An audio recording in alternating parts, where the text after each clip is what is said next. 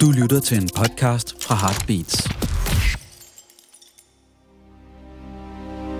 Human rights are women's rights, and women's rights are human rights. I can do what was not possible for any of them, with the whole empire listening. We want to end gender inequality.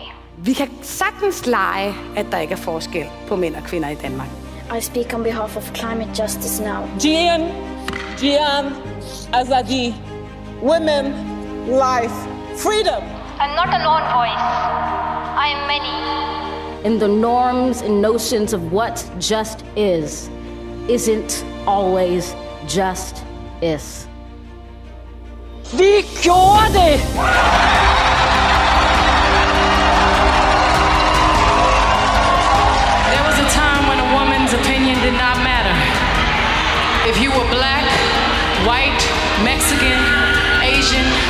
Muslim, educated, poor, or rich. Du lytter til podcasten Kvinde kendt din historie. Mit navn er Gry Jeksen, og jeg er historiker.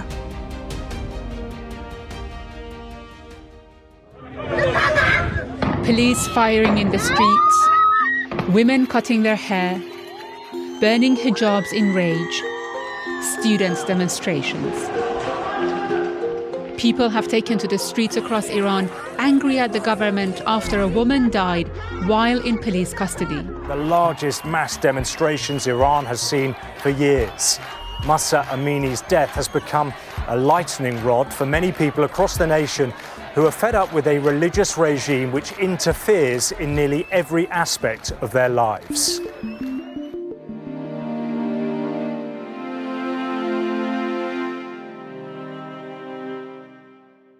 Her den 16. september er det præcis et år siden, at den kurdisk-iranske kvinde Shina Masa Amini døde efter at have været i det iranske moralpolitis varetægt.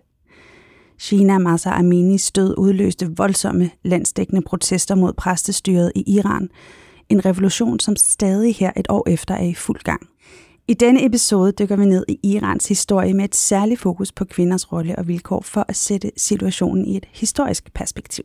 Og til at hjælpe mig har jeg inviteret dig, Iran-forsker Rasmus Christian Elling. Velkommen til. Tak. Du er jo lektor på Københavns Universitet ved Institut for Tværkulturelle Studier og Regionale Studier.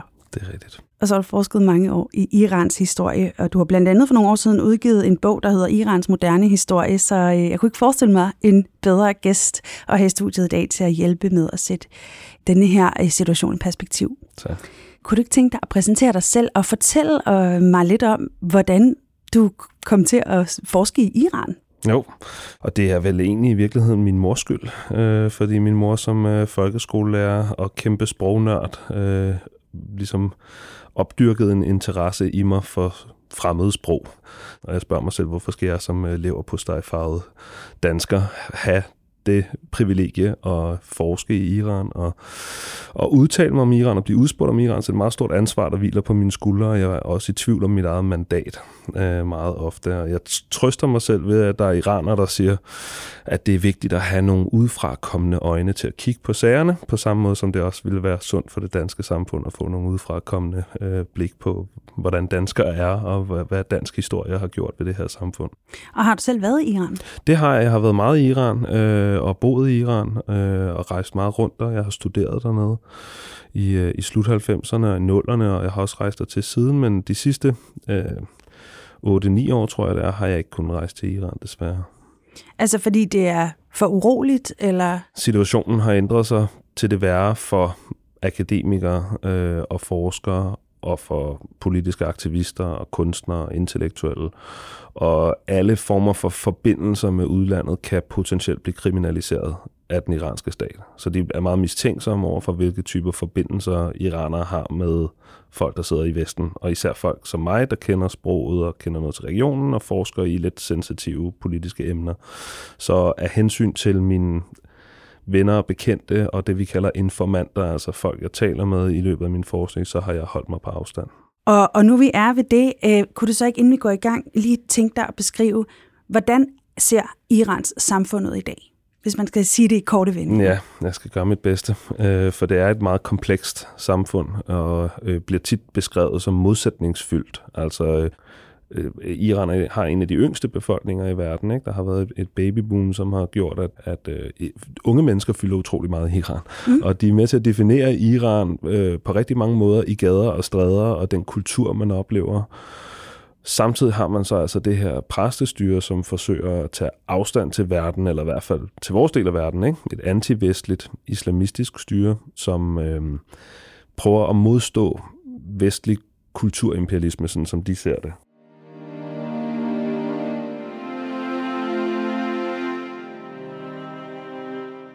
Vi skal jo i dag tale om den situation, der er øh, lige nu i Iran med udgangspunkt i øh, øh, drabet på øh, den her iranske, kurdisk-iranske kvinde, Shina øh, Masa Amini, som skete sidste år. Det udløste store offentlige protester. Øh, for mange mennesker er det måske overraskende, at det bestemt ikke er første gang, øh, at der er de her store protester og, og modbevægelser i, i Iran gennem historien.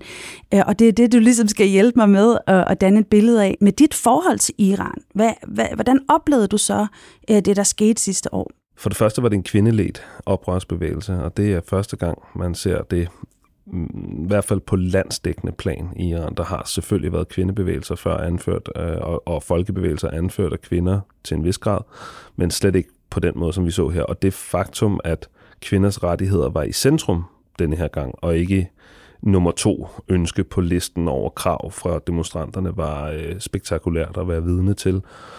For det første gik den på tværs af hele landet. Den var ikke begrænset til storbyerne. Den gik også på tværs af forskellige samfundslag normalt har de politiske protestbevægelser, de prodemokratiske protestbevægelser, taget udgangspunkt i middelklassen. Så de højt uddannede øh, universitetsstuderende og folk, der boede i storbyerne. Den her gang så man alle mulige typer iranere gå sammen på gaden, og så altså sætte kvinde, kravet om kvinderettigheder forrest. Og det sidste element, som så også gør den her protestbevægelse virkelig anderledes og, og enormt spændende, det er, at den går på tværs af etniske skæld. Så i Iran, der skal man forestille sig, at cirka halvdelen af befolkningen, de er det, vi kalder for persere.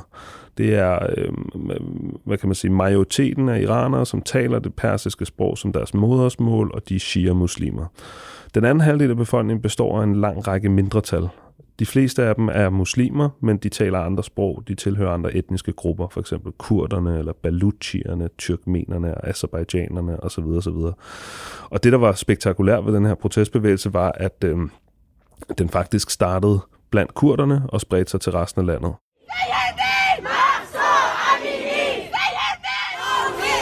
At her funeral, women ripped their headscarves off in solidarity. In just 16 days, it's clear just how quickly and widely civil unrest has spread across Iran. Women publicly cutting their hair off, defying Iranian modesty laws.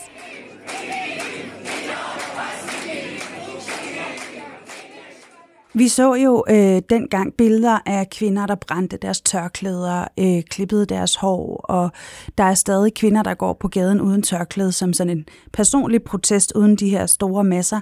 Hvad risikerer de? Uh, oh, ja, men de risikerer jo virkelig øh, slemme straffe. I Iran der har man det, der hedder moralpolitiet, som er en øh, politimyndighed, der har til opgave at gå rundt i offentlig rum og, og sørge for, at unge mennesker især, øh, og iranere i det hele taget, klæder sig sømmeligt. Det er i princippet både for mænd og kvinder. Og i virkeligheden må mænd for eksempel heller ikke gå med shorts, og de må heller ikke gå med slips, og der er sådan en række uskrevne lov om, at mænd skal helst gerne klæde sig som gode muslimske mænd. Men for kvinder er det meget specifik og enormt indgribende lovgivning, som handler om, at de skal tildække deres hår, de skal tildække deres øh, kropsformer osv. Og de regler er konstant udfordret. Altså, Iranske kvinder har siden 90'erne konstant skubbet grænserne for, hvad der er acceptabelt. Helt konkret ved at skubbe tørklædet længere og længere bagud og gøre det anklerne tydeligere, og gå i strammere tøj og, øh, og også skabe en iransk mode, som er øh, inspireret af moden andre steder i verden. Og det provokerer præsteskabet enormt meget, og det gør så, at der er den her daglige konfrontation på gaden mellem moralpolitiet, der går hen til kvinder og i rette sætter dem. I bedste fald, så får man en, øh, en så får man skæld ud, ikke? så kommer der man er en politiagent hen, og hvorfor klæder du dig sådan en søster, og opfører dig ordentligt, og tildæk dit hår, og skam dig, og så videre. Øh, ellers i mange tilfælde, så bliver de taget ind på en politistation, hvor de får skæld ud der, og så får de måske en bøde, og de kan måske også blive sendt på sådan noget genopdragelsesanstalt, hvor de skal gennemgå et kursus i islamisk moral. Er det, øh, er det to dage? Er det ja, tre nej. uger? Er det... Altså, det kommer meget an på konteksten. Altså, nogle gange kan det jo gå helt galt, og så lander man hos en politimand i virkeligheden, som er en, et, et kæmpe svin, ikke, for at se det lige ud. Og han vil gøre dit liv virkelig surt, og sørge for, at du får den værst tænkelige straf.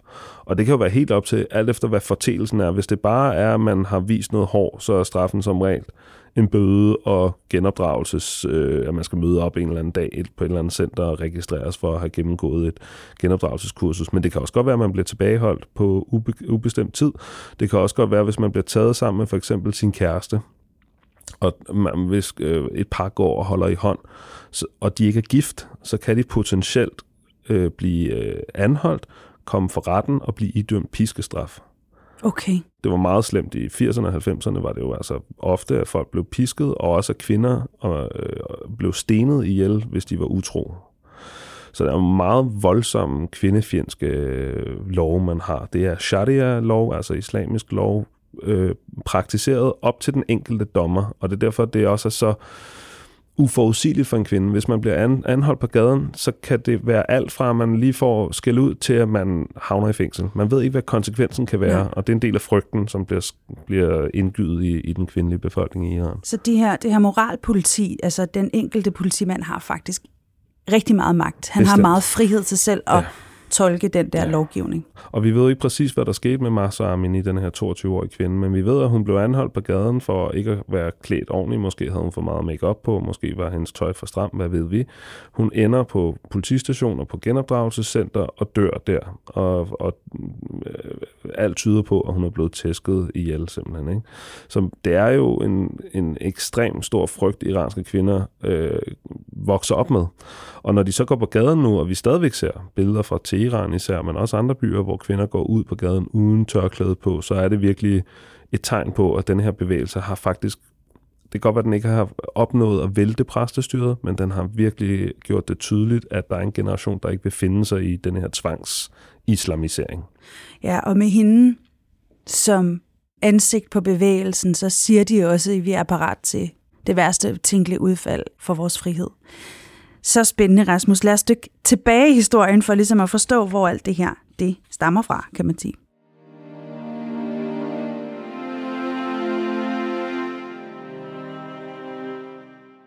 Jeg talte jo med dig i telefonen, inden du kom herind, og Irans historie er jo mange, mange hundrede år lang.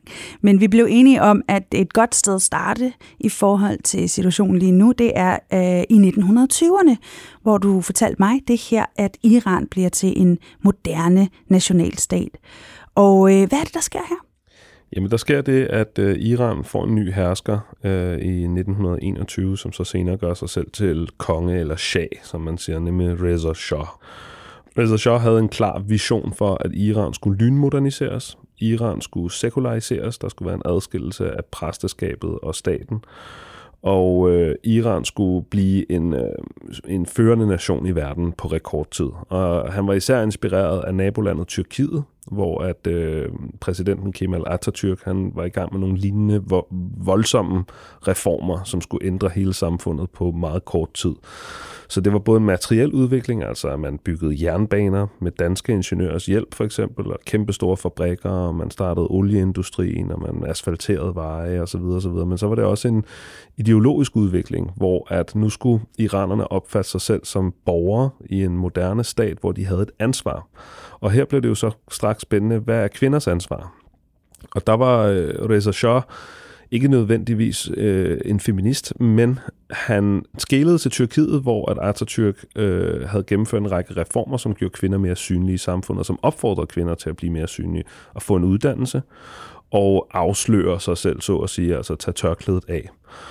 Og Reza Shah, han forsøgte i, i 1935 at indføre ved lov, at iranske kvinder skulle smide sløret, at smide tørklædet. Ikke? Altså, at det, man simpelthen ikke måtte gå ud, ud med øh, islamisk hijab på, i et forsøg på ligesom at give øh, befolkningen chokterapi, ikke? og nu skal de prøve at afvinde den her konservative øh, livsstil det fik en enorm stor øh, boomerang-effekt. Mange kvinder blev så spærret inde derhjemme, så de ikke kunne gå ud, eller færdedes op på tagene af bygninger for ikke at blive set i gaden, fordi på det tidspunkt var det forbundet med utrolig meget skam, hvis man gik ud på gaden uden tørklæde på. Men så han blev ligesom nødt til at trække den her lov tilbage, men der opstod alligevel en ny, moderne middelklasse, hvor det blev acceptabelt, at kvinder gik uden slør. Men det er sådan et klassisk eksempel på, at man ikke bare kan ændre en kultur ved at ændre en lovgivning. Ja, præcis. Altså, det synes jeg faktisk er virkelig øh, spændende, fordi at, at frigørelse øh, skal foregå på så mange planer. Ja. Og at det nærmest, lyder det som om det nærmest kunne blive farligere for nogle kvinder, at han lavede den her lov, som han egentlig havde tænkt som ja, frigørende for dem. netop fordi, at de her moderne statsprojekter gør kvinden og kvindens krop til en symbolsk slagmark, hvor man skal vinde en ideologisk kamp. Så blev det jo også for islamisterne, som vi senere hen kommer til at kalde dem, altså folk, som ser en politisk projekt i deres religion, så blev det jo en, øh, en, øh, en vigtig sag at bevare denne her traditionelle værdi. Selvom hvis vi skal være helt ærlige, så går den heller ikke så langt tilbage, fordi hvis vi bare går tilbage til 1800-tallet, så var langt de fleste kvinder i Iran bønder. Og bønder gik ikke med tørklæde og det her store, tunge chador, som man kalder det, altså det betyder direkte oversat et telt. Det er sådan en meget tung, stor, sort klædedragt, som skal dække alle kroppens former. Det kunne man jo af gode grunde ikke gå med, hvis man arbejdede i marken og havde børn hængende på sig, hvad ved jeg. Altså, så, så denne her idé om, at den øh, dydige iranske muslimske kvinde skal gå klædt præcis sådan, som den islamiske republik ser, i dag, ser det i dag, er faktisk en moderne ting. Det er en moderne opfindelse, som præsteskabet i dag siger er oldgammel. Så alt det her handler om, at når staten begynder at gå ind og skal gøre borgerne til et udviklingsprojekt, at ser borgerne som en form for øh, øh, spirituel øh, materiale, der kan formes i en bestemt retning, så kommer der nogle nye stridigheder i samfundet. Og det gjorde der også i Iran, hvor præsteskabet gik ud og begyndte at kritisere magthaverne. Dele af præsteskabet. Blandt andet denne her Ayatollah Khomeini, som så fra 1960'erne begynder at kritisere Shahens søn, som på det tidspunkt er ved magten, Mohammed Reza Pahlavi. I den her periode er det også her, hvor man opdager den iranske olie.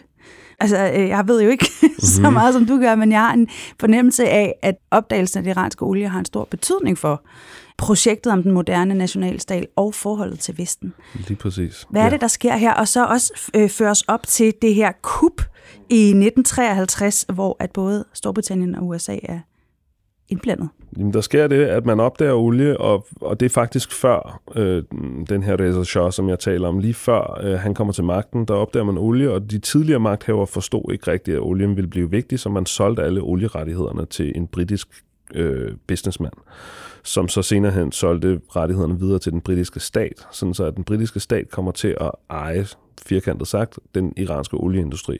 Og den olieindustri, den eksploderer, og den, det vælter ind med øh, astronomiske indtægter, primært til det iranske olieselskab, og kun sekundært til iranerne, som får en vis procentdel af det, som olieselskabet påstår, de har tjent på det. Ikke? Så britterne har simpelthen plyndret og snydt iranerne systematisk fra 1910'erne hele vejen op til 50'erne, hvor der så er et kæmpe stort folkebevægelse i Iran for at nationalisere olien, altså at sige, at olien skal over på iranske hænder, britterne skal ud. Og øh, det lykkedes i 1953, i 1951, der lykkedes det at smide britterne ud af Iran og overtage olieindustrien, nationalisere den, og det skaber jo et stor frustration blandt øh, blandt andet Winston Churchill, som selv var personlig aktionær i det her olieselskab, ikke? Øh, og som mener, at olien selvfølgelig skal tilhøre det britiske imperium. Så han organiserer, eller britterne organiserer, sammen med CIA, sammen med amerikanerne, et kup mod den premierminister, Mossadegh, som havde nationaliseret olien, og det er det statskup, der bliver indført i 53. Og på det tidspunkt, der er Shahen, bliver Shahen jo sat i gæld på en måde, fordi han var selv ved at blive kuppet ud af den her meget populære premierminister, som havde smidt britterne for porten. Også fordi man så Shahen som en lakaj for Vesten. Han var i Vestens lomme, han var i olieindustriens lomme, han var i militærindustriens lomme, og derfor så var der var han i visse dele af samfundet upopulær. Men når kuppet så er gennemført, så kommer han til at sidde tungt på magten. Og fra kuppet og frem, der bliver Shahen ligesom en slags diktator.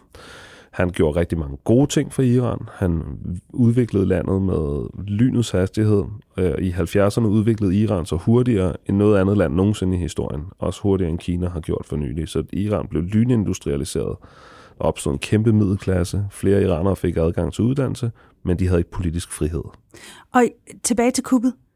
Hvem, hvem, hvem vandt kuppet, var ved at sige? Hvad skete det der gjorde, med britterne? Det gjorde og... shahen og amerikanerne. Britterne, britterne var på det tidspunkt alligevel ligesom ved at miste deres globale verdens herredømme, ikke? Øh, og, og bliver erstattet af amerikanerne. Og under den kolde krig, der bliver Iran USA's vigtigste allierede i regionen i Mellemøsten, og det bliver også USA's største kunde for militært isenkram, som shahen køber ind af, for millioner af oliepenge bliver brugt på at købe amerikansk udstyr. Der kan opstå et meget, meget tæt forhold mellem Iran og USA, og specifikt mellem shahen og republikanerne i USA, som får et meget tæt personligt forhold. Og alle de ting gør, at selvom shahen er i gang med at udvikle Iran som et stærkt, selvstændigt land, så kommer han i nogens øjne til at fremstå som amerikanernes stikkerandreng. Ikke? Og, og, og, og når oppositionen så tager til i 70'erne, blandt andet med Khomeini, så er det tit med øh, kritik af amerikansk imperialisme. De siger, Shahen er en skødehund for amerikansk imperialisme i regionen, øh, hvilket delvist er korrekt, fordi Shahen også løber ærner for USA i regionen. For eksempel bruger iransk militær til at knuse kommunistiske oprør rundt omkring i, i, øh, i Mellemøsten. Det gjorde altså, at der opstod blandt nogle iranere en meget stærk anti-amerikanisme eller anti-vestlig ideologi, hvor man sagde, øh, vi er infiltreret af amerikanerne øh, og deres interesser. Når man kigger på billeder fra 70'erne i Iran, så ser man jo kvinder øh, uden tørklæde på skovtur, kvinder, der har høje stillinger i, embederne i parlamentet og sådan noget. Prøv at fortælle lidt om kvinders liv her i 70'erne, som virker meget som noget, man kan spejle sig i. Ja, jamen man kan netop spejle sig i, i det billede, ikke? Altså fordi det er det billede, vi er blevet vist. Øh, og, og, og det er ikke, fordi det er en løgn. Der var en del af samfundet, som, hvor kvinder kunne leve et frit, altså have deres egen karriere, og tage en uddannelse, have deres egen karriere, vælge, hvem de ville blive gift med, vælge, om de ville skilles osv. Men det var altså en lille del af samfundet. Størstedelen af samfundet, som vi ikke så når Shahen lavede sin propaganda fremstod, eller besøgte Rødovre for eksempel, og kom i, øh, kom i alle damemagasinerne i Vesten, fordi han jo var en, en smuk mand og havde en endnu smukkere kone. Ikke? Altså, det billede, vi ikke fik lov at se fra Iran, det var, at rigtig mange iranske kvinder levede under meget stærk konservativ patriarkat, og det gør på præcis samme måde, som de gør i dag.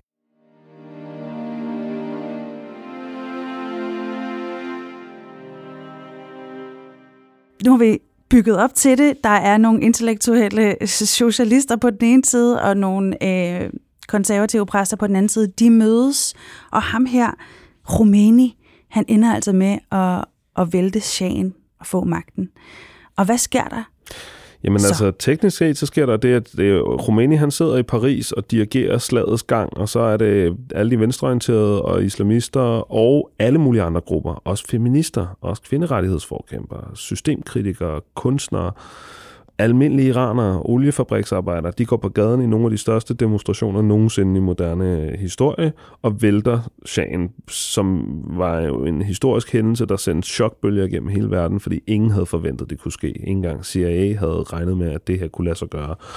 Og der er alle mulige forklaringer, som vi ikke behøver at diskutere her, og, og, og masser af sådan, øh, diskussioner i bagklogskabens lys om, hvad der gik galt, sådan som det bliver formuleret i oppositionen i dag. Men øh, der var mange ting, der gik galt for sagen. Blandt andet var han også ved at dø af kræft, og var måske ikke i stand til ligesom at, at, at modstå det her kæmpestore pres fra samfundet. Og han bliver væltet, og så flyver Khomeini hjem til Iran for første gang efter rigtig mange år i eksil. Og øh, han bliver taget imod som en slags folkeleder, som altså, han har hele tiden sagt, jeg skal ikke styre Iran. Jeg skal, jeg skal bare være i baggrunden som en slags åndelig fader, og så må alle de her forskellige politiske grupperinger og socialister osv., de må finde ud af, hvad der skal ske, så længe det er en islamisk retning. Og så har alle ligesom sagt, det lyder godt. Ikke alle, men næsten alle. Men det øjeblik, han lander i Iran, så øh, kommer han øh, til lufthavnen, og så beder han om at blive kørt direkte til en gravplads for nogle af de folk, der er blevet slået ihjel under demonstrationerne. Så holder han en tale og siger, jeg skal nok bestemme, hvem der skal styre i det her land. Og der, der træder han i karakter som en magthaver. Og allerede der begynder der at blive lagt op til en hæftig konflikt mellem socialisterne og de sekulære, hvis man kan kalde dem, øh, kalde dem det på den ene side, og islamisterne på den anden side. Og så ender det jo altså med det direkte modsatte, nemlig et, et, et præstediktatur. Men i marts 1979, en måned efter Khomeini han er vendt tilbage til Iran, så er det kvindernes internationale kampdag. Og i den forbindelse så er der lige pludselig et rygte, der spreder sig i Iran om, at nogen har hørt, at Khomeini har sagt, at i fremtiden så skal der være en lov for kvinder, som er ansat i statslige kontorer, at de skal være klædt på en bestemt måde. Og da det rygte det spreder sig blandt feministerne og kvinderettighedsforkæmperne, så siger de nej tak og går på gaden allerede dagen før International Kampdag, og i fem dage, der demonstrerer tusindvis af kvinder på gaderne i Teheran. I en meget, meget, meget øh, vigtig, men hidtil overset hændelse i, i iransk historie, som tit bare bliver nævnt med en enkelt sætning, men som i, mit, i min optik er ekstremt vigtig, fordi det var lige præcis der, hvor kvinderne, som selv havde været imod Shahen, som selv havde været med til at vælte Shahen, som selv havde lavet revolutionen. De havde gået forrest kvinderne i den her revolution. Så sagde de, vi har ikke kæmpet og i den her blodige revolution for, at der nu skal komme en mand og fortælle os, hvad vi skal gøre, og hvordan vi skal klæde os. Vi skal selv bestemme, vi skal have frihed. Et af slogansene var, at i morgendagen for den her revolution er der ingen frihed for kvinder. Fordi de godt kunne se, de kvinder, der gik forrest i den her demonstration, kunne godt se, hvor det trak hen. De kunne godt se, at de havde regnet med, at når Khomeini han kom hjem, så kunne de for eksempel få audiens hos ham. Så kunne de komme ind og sige, vi har kæmpet for dig og den her revolution. Her er vores ønsker og krav som kvinder. Han nægtede at se dem. Han ville kun ses med mænd. Mm.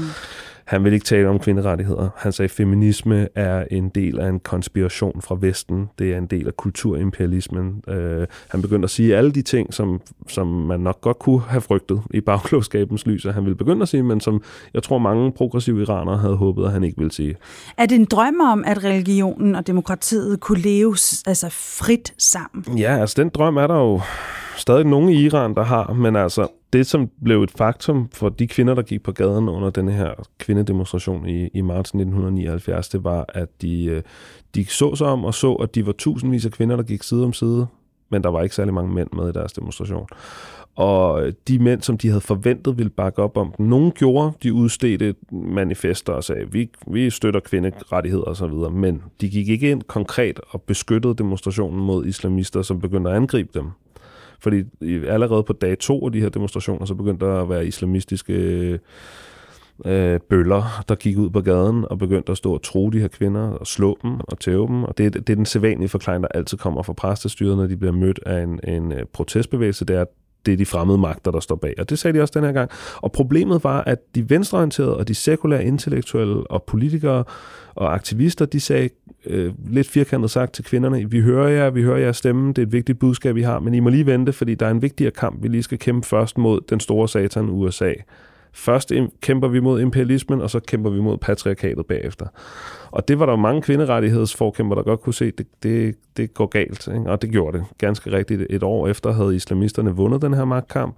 Den islamiske republik blev indført, der kom et præstestyre, der kom en voldsom kvindediskriminerende lovgivning, der blev sat i kraft, og få år efter blev tørklædet gjort til obligatorisk. Så man kan sige, det var allerede der i revolutionens start, at det begyndte at gå galt. Fordi rigtig nok, Øhm, først var det feministerne, der ikke var plads til, så var det de sekulære, der ikke var plads til, så var det socialisterne. Alle dem, der havde kæmpet for Rumænien, de endte i fængsel, og de endte i eksil, og de måtte flygte fra Iran, de måtte gå under jorden, eller de øh, blev henrettet i fængslerne, som også var det, der skete i, i slut 80'erne, hvor man henrettede tusindvis af politiske fanger. Det lyder meget voldsomt. Øh, det, som ham, Rumæni, han sætter i gang, det lyder som et diktatur. Hvad betyder det i op igennem 80'erne og 90'erne for kvinders vilkår i Iran?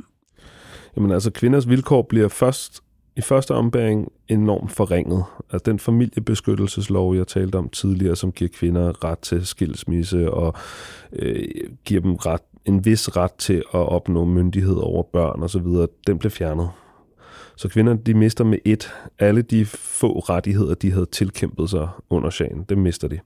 Og så bliver der så institutionaliseret det her kvindefjendske politiske system, som fuldstændig udelukker alt andet end de allermest islamistiske konservative kvinder fra politik, og som i virkeligheden siger til kvinder, I skal holde jer hjemme og passe børn. Men alligevel så sker der det mm, paradoxale, at Khomeini, da han bliver til en statsleder, i stedet for bare at være en, en religiøs leder, der sidder og snakker om teologi på et præsteseminarium, så er han lige pludselig leder for en moderne stat, og han kan godt se, at han har brug for kvinderne. Han har brug for, at kvinderne de uddanner sig, og han har brug for, at kvinderne engagerer sig i økonomi, et øh, økonomiske liv i samfundet, og de går ud og bidrager til arbejdsmarkedet. Ikke mindst fordi Iran jo faktisk er i krig. Gennem hele 80'erne ligger Iran i krig med nabolandet Irak. Så nu begynder Rumænien lige pludselig at sige, at kvinder de skal have uddannelse. Så han åbner op for, og man åbner op for i den islamiske republik, og ikke uden gnidninger og med masser af undtagelser, men man åbner op for, at kvinder kan tage en uddannelse, og kvinder de griber den chance øh, og vælter ind på universiteterne. I så høj en grad, at efter Khomeini dør i 89, så ind i 90'erne, så begynder der at være flere kvinder end mænd på universiteterne. Så det er en kæmpe stor forandring, fordi ja, der var kvinder, der kunne få uddannelse før revolutionen, men det var stadigvæk primært kvinder fra overklassen eller den øvre del af middelklassen. Nu er det lige pludselig alle. Det, mm, uddannelsessystemet bliver demokratiseret. Og jeg siger ikke, at det er takket være præsteskabet. Det er selvfølgelig takket være alle de folkeskolelærer og aktivister og folk i det iranske civilsamfund, som kræver det. Men det er resultatet, og, og det er jo måske ikke lige det resultat, man havde ønsket sig i præsteskabet, fordi det betyder jo, at alle de her kvinder, de får en bredere udsyn, de får et globalt udsyn, og de får en indsigt i alt det, de ikke har ret til. For eksempel at få et job. Altså så de kan faktisk ikke bruge deres uddannelse Nej, til det er det. Og man, altså, man siger lidt, øh, det, det er måske joke, øh, joke øh, men, men det er også en tragisk sandhed, at Iran er et af de samfund i verden, der har det allerhøjeste antal af hjemmegående PhD'er. Ikke? Fordi så ekstremt mange iranske kvinder får en virkelig høj uddannelse og kan ikke bruge den, Både fordi der er alle mulige kvindefjendske love, som gør det svært for dem at blive ansat i bestemte industrier osv., men også fordi der er en konservativ kultur i hjemmene, i mange iranske hjem. Selv de hjem, der også kalder sig progressiv, har det sådan lidt. De vil gerne kontrollere, hvor kvinderne arbejder. Er det et sikkert arbejdsmiljø, hvor at kvinderne ikke bliver flyttet med og så videre, hvor at familiens ære ikke øh, bliver, der ikke bliver sat spørgsmålstegn ved den og så videre, og så videre. Så alle mulige årsager så gør det, at iranske kvinder ikke kommer ud på arbejdsmarkedet. Men det andet, der også sker, som også er paradoxalt, det er, at selvom Khomeini han står for alle de her konservative familieværdier, så går han faktisk ind for prævention. Fordi da revolutionen sker, der har Iran en af de højeste fødselsrater i verden, og det er begynder at blive et problem. Og resultatet er, at fødselsraten styrtdykker. Ikke? Så den går fra at være omkring 8, mener jeg, ved revolutionen, til at være i dag nede på 1,6 eller noget i den retning. Så det samme som i Danmark. Ja. Og det er jo en revolution i sig selv. Det er måske ikke lige den revolution, præsteskabet havde håbet på, fordi det, det gør, det er, at det frigiver en hel masse ressourcer for kvinderne. At de ikke bare skal være en fødefabrik for patriotiske islamister derhjemme, men at de rent faktisk har tid til sig selv, kan tage en uddannelse, kan lave noget andet end det, som øh, familien forventer af dem. Og det gør jo altså, at der kommer en generation som den, vi ser i dag på gaden, der kræver frihed og kræver kvinderettigheder. Ja, og hvis vi lige skal vende tilbage til dagens hovedperson, som det hele startede med, altså Shina Masa Amini, som hun blev født i år 2000. Og, øh, og det er jo øh, hun, et, et, et samfund med massiv politisk øh, undertrykkelse, hun, hun vokser op i, og stramt islamisk lovgivning. Men som du er inde på her, så, så vokser hun alligevel op i et generationsskifte. Der sker en masse ting i løbet af 90'erne, men også i nullerne, som, som på en måde leder op til det, der skete sidste år. Kan du kort tage os igennem det? Jeg ved godt, ja. det er vildt svært at Ultra gøre det kort, kort. men, øh, men øh, det her med, jeg tror også, det er vigtigt, det her med, at de her revolutioner og bevægelser i, i Iran har ligesom været ongoing siden øh, øh nærmest 1920'erne. Mm. Øh, fordi jeg tror, for mange mennesker, så, øh, så, så, så har man sådan et billede af, at Iran har været stokkonservativt samfund mm. i 500 år, og nu er der så en revolution. Ikke? Så det her med lige kort at beskrive, hvordan det også bevæger sig i løbet af, af 90'erne og 0'erne? Jamen det, der sker i 90'erne, som er starten på, på de her store forandringer, det er, at der vælter en ny generation ind på universiteterne i Iran. Og det er alle de folk, som blev født under eller efter revolutionen, og som måske godt kan huske krigen, men de er ikke vokset op under Khomeinis tunge skygge. De er vokset op i et andet Iran, og de vil, de vil have et andet Iran, og der er rigtig, rigtig mange af dem. Ikke? Så millioner af iranere kommer ind på universiteterne, starter studenterbevægelser og kræver forandring, og i 97 der kommer der en ny præsident ved magten, som også lover forandringer. Han gennemfører så ikke de forandringer, han lover, men han skaber en, han er med til at symbolisere en kæmpestor forandring, hvor der lige pludselig begynder at komme en system, relativt systemkritisk presse der begynder også at være øh, voldsom aktivitet i civilsamfundet med masser af klubber, organisationer, NGO'er og kvinderettighedsorganisationer, som åbner på det tidspunkt. Der er kvinder, der begynder at være advokater. Øh, der sker en masse ting øh, i 90'erne, øh, som er med til ligesom at åbne op for, at der kunne være en anden fremtid, end den de konservative forestiller sig. Og det er blandt andet fordi, at inden for præsteskabet, der kommer der det, man kalder for reformfløjen. I dag er reformfløjen enormt udskældt, fordi at de ikke formåede at ændre systemet i en demokratisk retning. Men budskabet var, at de gerne ville have, at kvinder og unge og minoriteter var med til at definere fremtidens Iran, og man ligesom kunne på en eller anden måde demokratisere den islamiske republik. Og derfor var der tårnhøje forventninger i slut 90'erne og start 0'erne om, at Iran ville ende med en slags glasnost eller perestroika, ligesom Sovjetunionen, og så ville det gradvist reformere sig selv til at blive et demokrati. Og det skete jo ikke. Blandt andet fordi, at den øverste leder, som ikke er Khomeini i dag, men hedder næsten det samme, nemlig Khomeini, Ayatollah Khomeini, besluttede sig for at bremse de her reformister, også inden det gik for vidt, og sørge for, at det var islamismen, der i sidste ende sejrer, og ikke demokrati. Så det er ligesom et, et brydningstid af, af Masa Amini, Gina, Gina, hun bliver født, hvor at på den ene side, så var der hele det her budskab om forandring, og på den anden side, så er der frustrationerne i en ung befolkning, som ser, at det forandrer sig. Og så er der jo alle forandringerne i regionen. Det, der også sker øh, året efter, at hun bliver født, nemlig i 2001, det er, at øh, Iran bliver øh, betegnet som en del af The Axis of Evil af præsident Bush i USA, selvom Iran ikke havde noget som helst at gøre med 9-11, altså terrorangrebet på USA 11. september 2001, så ender Iran alligevel med at blive slyngelstat og blive udsat for øh, en lang række sanktioner, som er med til at smadre Irans økonomi. Det er ikke kun sanktionerne, der ødelægger økonomien, det er også den voldsomme korruption, der er i den islamiske republik. Så problemerne tårner sig op omkring den islamiske republik, kan man sige, i, i nullerne. Men samtidig er det jo også en digital revolution, hvor at iranere, selvom at det er forbudt for eksempel at gå på YouTube, det er forbudt at bruge Facebook og Instagram, så gør iranerne det alligevel. Iranere er verdensmestre i VPN-teknologi. De forstår, hvordan man bryder udenom alle former for censurmekanismer og kontrol på øh, internettet, og i forhold til satellit-tv også. Så iranerne får en meget, meget bred horisont. De får udsigt til hele verden, og de vil gerne være en del af den udvikling, der sker ude i verden. Mm. Efter drabet på, på China, uh, øh, Masa Amini, uh, der, der florerede der nogle billeder på internettet af hendes mor, der sidder og græder meget voldsomt på hendes grav. Og hun siger, Hvorfor har jeg dog opdraget dig sådan? Hvorfor har jeg opdraget dig til at gøre modstand eller øh, øh, bryde ud, fordi det endte med at koste livet? Hvad er det for et sted, China kommer fra, og hvad er det for en opdragelse, hun har fået? Hvad for et lag af samfundet var hun del, en del af? Jamen her kommer der en krølle på historien, fordi som jeg var inde på tidligere, så er Iran et etnisk diverst land, hvor der er mange forskellige etniske grupper, og en af dem er kurderne. Ligesom at man har kurder i Tyrkiet og i Irak og i Syrien, så har man også en ret stor kurdisk befolkning i Iran. Og blandt kurderne har der lige fra starten af den islamiske republik, siden Khomeini kom tilbage i 79, været stor modstand mod præstestyret. Øh, kurderne er faktisk dem, der længst har kæmpet mod, øh, mod præstestyret og har haft en væbnet kamp også. Øh, der er guerillagrupper, som oppe i bjergene har kæmpet mod den islamiske republik i, øh, i snart 45 år. Ikke? Og en af de steder, som vi ved er, har, er sådan et, øh, et center for kurdisk aktivisme, er den by, Gina kommer fra, Sakrez, øh, som har en meget dyb historie med kurdiske guerillakæmpere, øh, som har kæmpet først mod Shahen, og så sidenhen mod den islamiske republik. Og det, de kæmper for, er autonomi. Det vil sige, at de vil have selvstyre. De vil gerne have lov til at tale kurdisk frit i hverdagen og undervise kurdisk i skolerne dyrke kurdisk kultur uden at blive kriminaliseret. Fordi det er det, som både magthaverne før revolutionen og efter revolutionen har gjort. De har ligesom, de er enormt øh, mistænksomme over for alt form for kurdisk civilsamfundsaktivisme og kultur. Det ser de som en form for øh, potentiel separatisme. Man er meget bange for, at kurderne vil løsrive sig fra Iran. Kvinder i Kurdistan er dobbelt undertrykte. De er både undertrykte, fordi de er kvinder i den islamiske republik, men de er dobbelt undertrykte, fordi de også tilhører en kurdisk mindretal som i nogle tilfælde også er et religiøst mindretal, fordi de er sunni-muslimer i stedet for shia-muslimer. Så de er faktisk, ja, det er så tredobbelt undertrykt i virkeligheden. Ikke?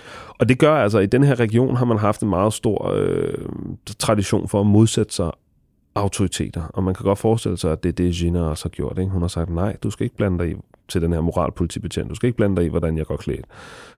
Så Jinnah, hun kommer fra et sted i Iran, hvor der er en stærk øh, tradition for modstand mod den islamiske republik, og specifikt en meget stærk venstre-radikal øh, tradition for modstand mod islamisme. Og i den tradition, som også er kendt fra for eksempel Syrien i Rojava og fra Tyrkiet, der er feminisme faktisk en meget stærk øh, force, så man har haft feministiske kurdiske frihedskæmpere i lang tid, ikke? tilbage fra 60'erne og 70'erne, hvor de var med til at skabe det her slogan på kurdisk, som så er blevet oversat til persisk, som er kvindeliv, frihed. Og det er i virkeligheden en feministisk ideologi, som er blevet formuleret blandt især tyrkiske kurder, men også iranske kurder, som går ud på lige præcis det, vi snakkede om, da vi snakkede om marts 79, hvor kvinderne fik at vide, at kvinderettighedsspørgsmålet bliver nødt til at vente til imperialisme-spørgsmålet er blevet afklaret. Feministerne, de siger det modsat. De siger, vi bliver nødt til at forstå, at de her ting kan ikke adskilles fra hinanden og sættes i prioriteret rækkefølge. Hvis ikke vi kan øh, løse spørgsmålet, altså hvis ikke vi kan give kvinder rettigheder i første ombæring, så får vi heller ikke alt det andet. Så derfor så er det det, som jeg ser lidt er sket, fordi at den her oprørsbevægelse tager sit udspring i en kurdisk-iransk modstandskamp, og så bliver koblet sammen med den generelle feministiske kamp og den generelle demokratikamp i Iran, så sker der lige pludselig et paradigmeskift, hvor man siger, vi kan ikke øh, vente. Altså, kvindespørgsmålet er demokratispørgsmålet. Kvinderettighedsspørgsmålet er selveste kernen i rettighedsspørgsmålet. Fordi, og det, det er sjovt nok noget, jeg faktisk hørte nogle aktivister fra studenterbevægelsen sige helt tilbage i 2005, som jeg interviewede, fordi de, jeg spurgte dem ligesom, hvorfor kommer studenterbevægelsen ikke videre? Hvad er jeres øh, næste krav? I kræver demokrati. Så sagde aktivisterne til mig, jamen vi har indset, at vi bliver nødt til at starte med at demokratisere den mindste enhed i samfundet, nemlig derhjemme, rundt om middagsbordet, er vi selv diskriminerende over for vores søstre, vores mor osv. Hvis ikke vi kan reformere os selv derhjemme, og tage kvinderettigheder seriøst i hverdagen derhjemme, hvordan kan vi så sige, at vi vil ændre hele samfundet? Og det lader til at blive at være en, en holdning, der er blevet populariseret i den her unge generation, som var på gaden under det her oprør. Og jeg vil understrege, at de var meget unge. Altså dem, der er anholdte under det her kvindeoprør, de er ifølge offentlige myndigheder jo nede i alderen sådan noget... Øh, 13-14 år op til 18-19 år. Ikke? Så det er en generation, vi ved meget lidt om, øh, som vi sociologer i min aldersgruppe ved meget lidt om. Og det, der var interessant under den her oprørsbevægelse, er, at vi, vi er blevet virkelig overrasket. Alle, jeg kender, Irans sociologer, Iran-forskere og historikere, er blevet overrasket over, hvor ekstremt raffineret politisk og ideologisk de er, de her unge mennesker. Igen, nu skal man passe på med ikke at, at, at blæse anekdoter ud af proportioner, men vi så under den her bevægelse også for første gang, hvordan øh, homoseksuelle og ikke hetero i det hele taget, og ikke binære og så videre, kunne komme til, vis til en vis grad kunne give udtryk for, hvem det var igennem sociale medier, koblet sammen med den her protestbevægelse. Og det er ekstremt springfarligt, fordi selv blandt de progressive kræfter i Iran er der rigtig meget Diskrimination. diskrimination og homofobi ja. osv. Ikke? Så det er altså virkelig en, en generationsskifte, som øh, er enormt spændende og vigtigt. Og det jeg også hørt dig sige som den store sejr i forhold til øh, kvinders rettigheder, det er, at denne her gang, der er øh, mændene med. Der er mændene med. Hele nemlig. vejen og fra starten øh, i, i kvindespørgsmålet. Lige præcis. Og det, skal ikke, det har ikke været uden gnidninger, så vi skal heller ikke romantisere det. Altså, der er en diskussion fra, fra oppositionen, som, som er meget interessant. Det var den her med, nogen i oppositionen foreslog, at man ved siden af øh, kvindeliv, frihed også skulle have et andet slogan, der handlede om mænd. Så et eller andet med mænd, sikkerhed og frihed, eller et eller andet i den retning. Ikke? Og det skabte nogle hæftige diskussioner i aktivistmiljøet, og kvinder rettighedsforkæmperne, som var for os i de her demonstrationer, sagde, nu stopper I. Det er, lige, det er lige præcis her, at den skal stoppe, fordi I skal forstå, at det bliver nødt til at være med det her slogan, fordi at ellers så bliver det igen for, forplumret, ikke? Altså, så kommer der igen alle de der... Øh, ja, men vi kan jo også lige vente lidt med kvinderettighederne. Der er også vores rettigheder herover og, og så videre. Ikke? Så, så nogle af de diskussioner, som man måske også kender fra progressive miljøer i resten af verden, foregår også i Iran.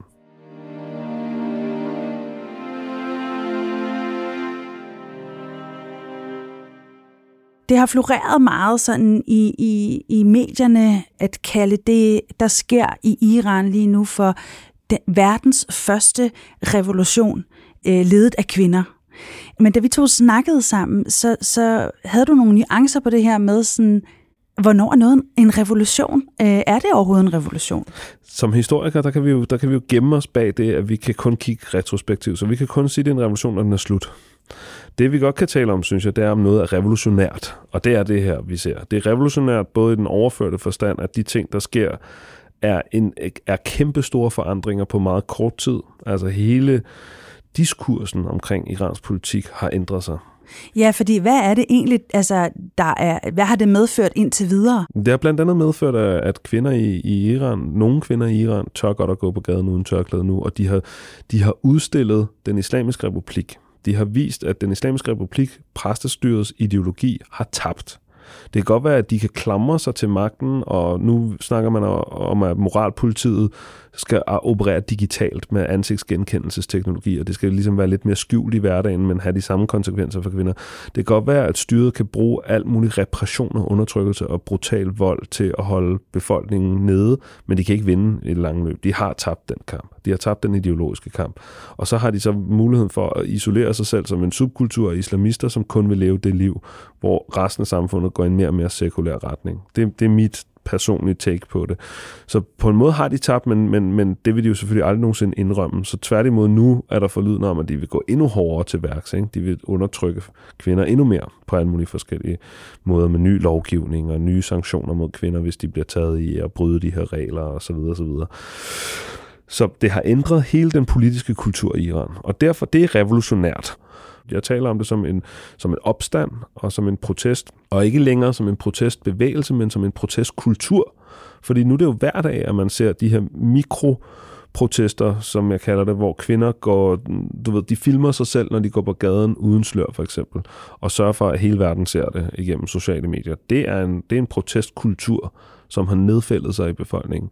Og det her krav om kvindeliv, frihed, det kommer ikke til at forsvinde ligegyldigt, hvor meget undertrykkelse den islamiske republik det skal op med. Det vil fortsætte med at være der som et centralt krav. Nu er der en hel generation, som har set, at de kan faktisk godt udtale det her krav. De kan gå på gaden og brænde deres tørklæde, hvis de vil, og klippe deres hår i protester. Det er en game changer på alle mulige måder. Til sidst kunne jeg godt lige tænke mig at stille dig et afrundende spørgsmål, som trækker trådet her til Danmark. En del af kampen i Iran handler om at slippe for det her tørklæde påbud. Så har vi en situation i Danmark, hvor der for kort tid siden var en kommission, som øh, anbefalede at forbyde øh, tørklæde i den danske folkeskole. Og her for nylig er der en enkelt sag med en elev på den franske privatskole på Frederiksberg, som simpelthen blev bedt om at forlade skolen, da hun bar tørklæde. Øh, og nu har familien lagt sag an mod skolen. Hvordan adskiller de her to kampe sig, som jo er et, på en måde to alen af et stykke. Altså det handler om friheden til at vælge, men i to helt forskellige kontekster, om to helt forskellige fortegn. Er det så enkelt som at sige, at det er bare, handler bare om friheden til at vælge? Det burde det jo være. Altså, og, og det, det er lige præcis her, da jeg startede med at sige det der med, at jeg godt kan være i tvivl om mit eget mandat nogle gange, når jeg snakker som Iran-forsker. Så det, jeg ligesom vil gøre for at lave en ansvarsfralæggelse, det er at give dig to forskellige svar. Så det ene svar er det her iranske kvinder har under denne her oprørsbevægelse gjort det meget, meget tydeligt, at problemet er ikke hijaben i sig selv, det er ikke tørklædet i sig selv, det er det faktum, at de lever under et religiøst diktatur, som tvinger dem til at klæde sig på en bestemt måde. De vil have retten til at bestemme over deres egen krop, og det vil de sikkert også kræve, hvis de boede i en hvilken som helst anden kontekst, hvis de tror på den værdi. Det vil sige, staten skal ikke bestemme, hvordan folk skal gå klædt eller ikke skal gå klædt.